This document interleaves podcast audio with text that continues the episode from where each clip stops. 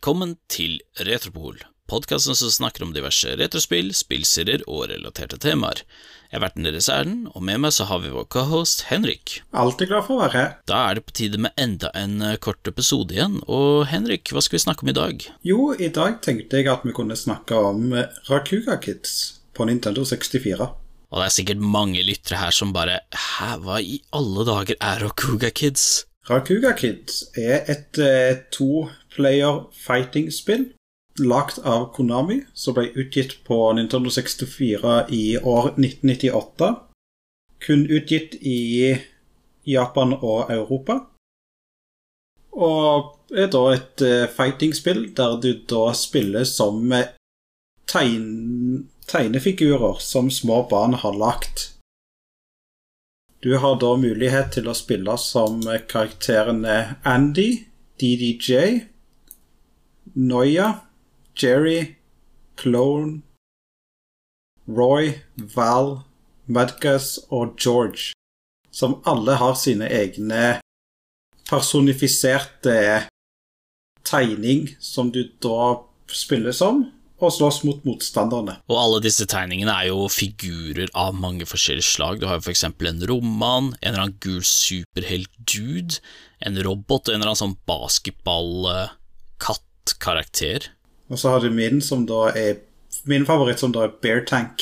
Ja, det er den, den teddybjørnfiguren, ja. Ja, den grønne teddybjørnen med sånne tankser som han angriper med.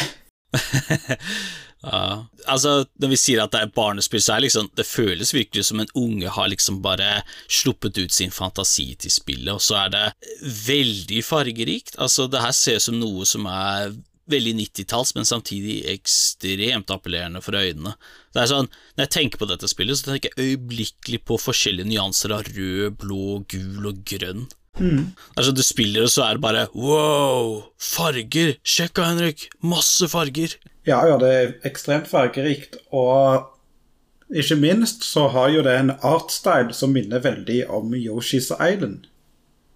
Nemlig med det at eh, alle karakterene er håndtegna med tegnestifter. Det minner meg også om noe som kunne vært eh, godt på Cartoon Network òg, har du tenkt på det? For det er ekstremt bra håndtegna animasjoner, og når du ser hvor mye content og hvor mye greier som er på den der, så sliter jeg med å skjønne hvordan de fikk det til på en sånn 16 megabit eh, romkassett. Ja, optimalisering, tenker jeg. Ja, for dette er jo en av de få Nintendo 64-spillene som har loading mellom matcher. Det er på grunn av at eh, Og det har jo Det var jo noe som på en måte overraska meg, fordi når du tenker dette spillet, og det kjører jo 60 bilder i sekundet, så er det sånn Hvordan i all verden kan det være loading når det er et spill som eh, så å si består av sprites, og ikke, nesten ikke noe 3D? Jo, fordi at eh, selv om at det er 2D sprites ikke på en måte er like prosessor-heavy som det 3D-polygoner er, så har som regel 2D sprite tar som regel opp mye større dataplass enn det en 3D-modell er. For en 3D-modell har jo på en måte en upfront kost med det at du må bare ha selve modellen, og så er det alle riggingene. Men bortsett fra rigging og 3D-modell, så er det ikke noe mer på den karakteren der.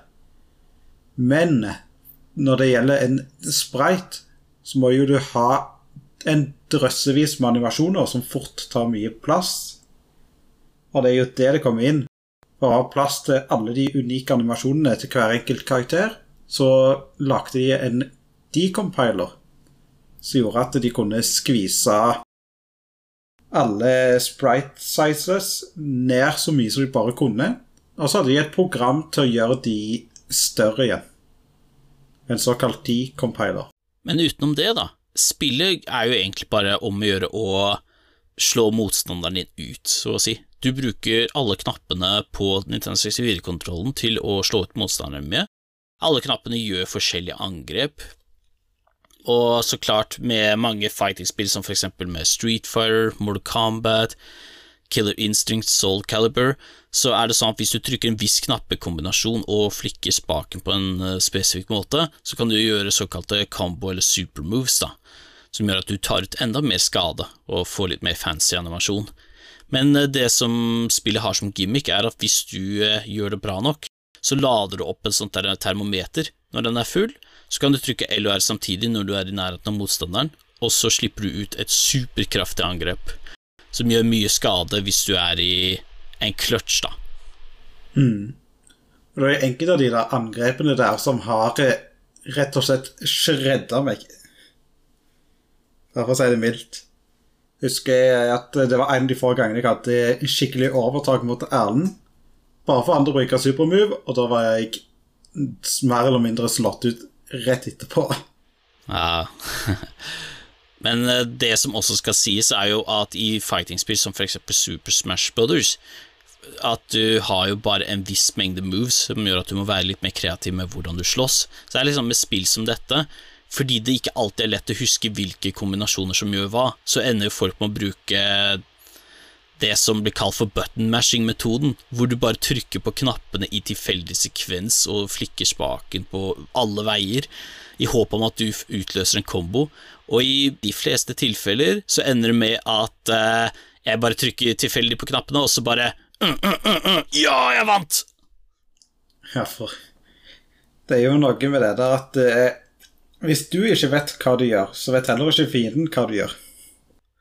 Så det blir jo til liksom sånn derre Jeg husker en av de kampene vi hadde, så var det Kampen starta, jeg gikk bort til Henrik, og så var det bare en tornado av angrep. Så var det liksom bare Jeg kommer ikke ut!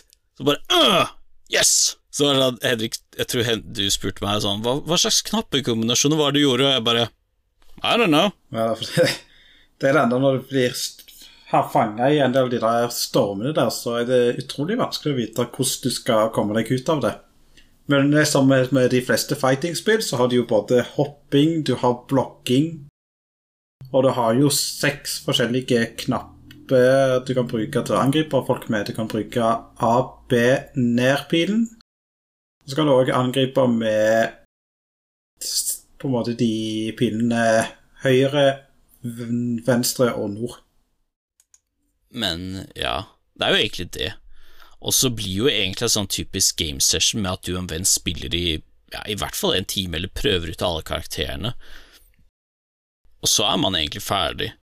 Sånn Men det er liksom en sånn type spill som er hva jeg kaller det sånn fint sånn casual game. Så klart, det er ikke noe spill som er dårlig på liksom noen som helst måte, men samtidig så er liksom Det er ikke inne på liksom topp ti-lista mi, akkurat. Mm. Av favorittspill. Fordi jeg vil si kanskje dette spillets største problem er vel fordi det er bare så mange baner og så mange karakterer, så er det sånn spill som blir veldig fort repetitivt uh, når du har prøvd ut alt. Men kanskje det som på en måte var den største overraskelsen min når det gjelder Rakuga Kids, er nemlig det at uh, det bare kom ut på Nintendo 64. For uh, Konami lagde jo veldig mange spill til PlayStation. Så det at det kom ut eh, et spill bare på 64, fighting-spill ikke minst, som på en måte ser helt ut som et eh, PlayStation-spill, så er det jo litt eh, rart at det ikke kom ut på Sega Saturn eller på PlayStation 1. Hmm. Jeg har ikke noe svar til det, så no comment. Ja da, men det er jo gøy at det, det kom ut på 64. Jo et eh, Klarer du å få tak i det til en billig penge, så er jo det egentlig bare løp og kjøp. Mm. Men så klart eh, Jeg vil anbefale i hvert fall at du spiller sånn I hvert fall spille et par kamper, men ikke, ikke spill det i sånn tre timer eller noe. Det, da kommer du til å mislike spillet. Det er anbefalt. Men hva med deg, Henrik? Hva syns du om spillet sånn helhetlig? Er det inne på topp ti-lista di? Nei da, men jeg har spilt veldig mange fighting-spill som er langt verre enn dette her. Har du noen gang prøvd Clayfighter? Uh, hørt mye dårlig om det. ja. Men utenom det så er liksom Nei, det er ikke mye mer å si om Rakuga Kids. Det var et spill som kom, og så var liksom Folk glemte det bare. Men det er egentlig sånn som skjer. Jeg tror det er fordi Vet ikke, noen spill blir på en måte bare overskygget av andre. Det er sånn eh, Når det gjelder fighting-spill, så er det liksom Har du lyst til å spille Rakuga Kids? Hva er dette her? Kan ikke vi heller spille Super Smash Brothers, da? Ok. Det er jo litt sånn komisk at det er sånn Rakuga Kids Vet du hvilket annet spill Rakuga Kids konkurrerte med når det kom ut i Europa? Det er jeg ikke sikker på. Det kom ut samme uka som Zelda og Carina of Time. Oh. Så ikke rart det drukna i obscurity. Det, det, er litt sånn Jeg ser for meg et eller annet sånt Jeg bare fikk opp et bilde hvor det var sånn derre Se her, Rakuga Kids, et helt uskyldig spill. Flytt deg! Her er Ocarina of Time! Play this! Det er det dere har venta på siden vi annonserte det på Spaceworld i 1995. Vi brukte bare sånn kjempelang tid på det, og her er det endelig. Løp og kjøp. Stakkars Rakuka Kids som bare liksom Å, ingen som vil spille meg, da. Ja. Men uh, hei, hvis du er til gjengjeld, så er jo nå Rakuga Kids enda mer ettertrakta, så win? Iallfall for de som kjøpte det.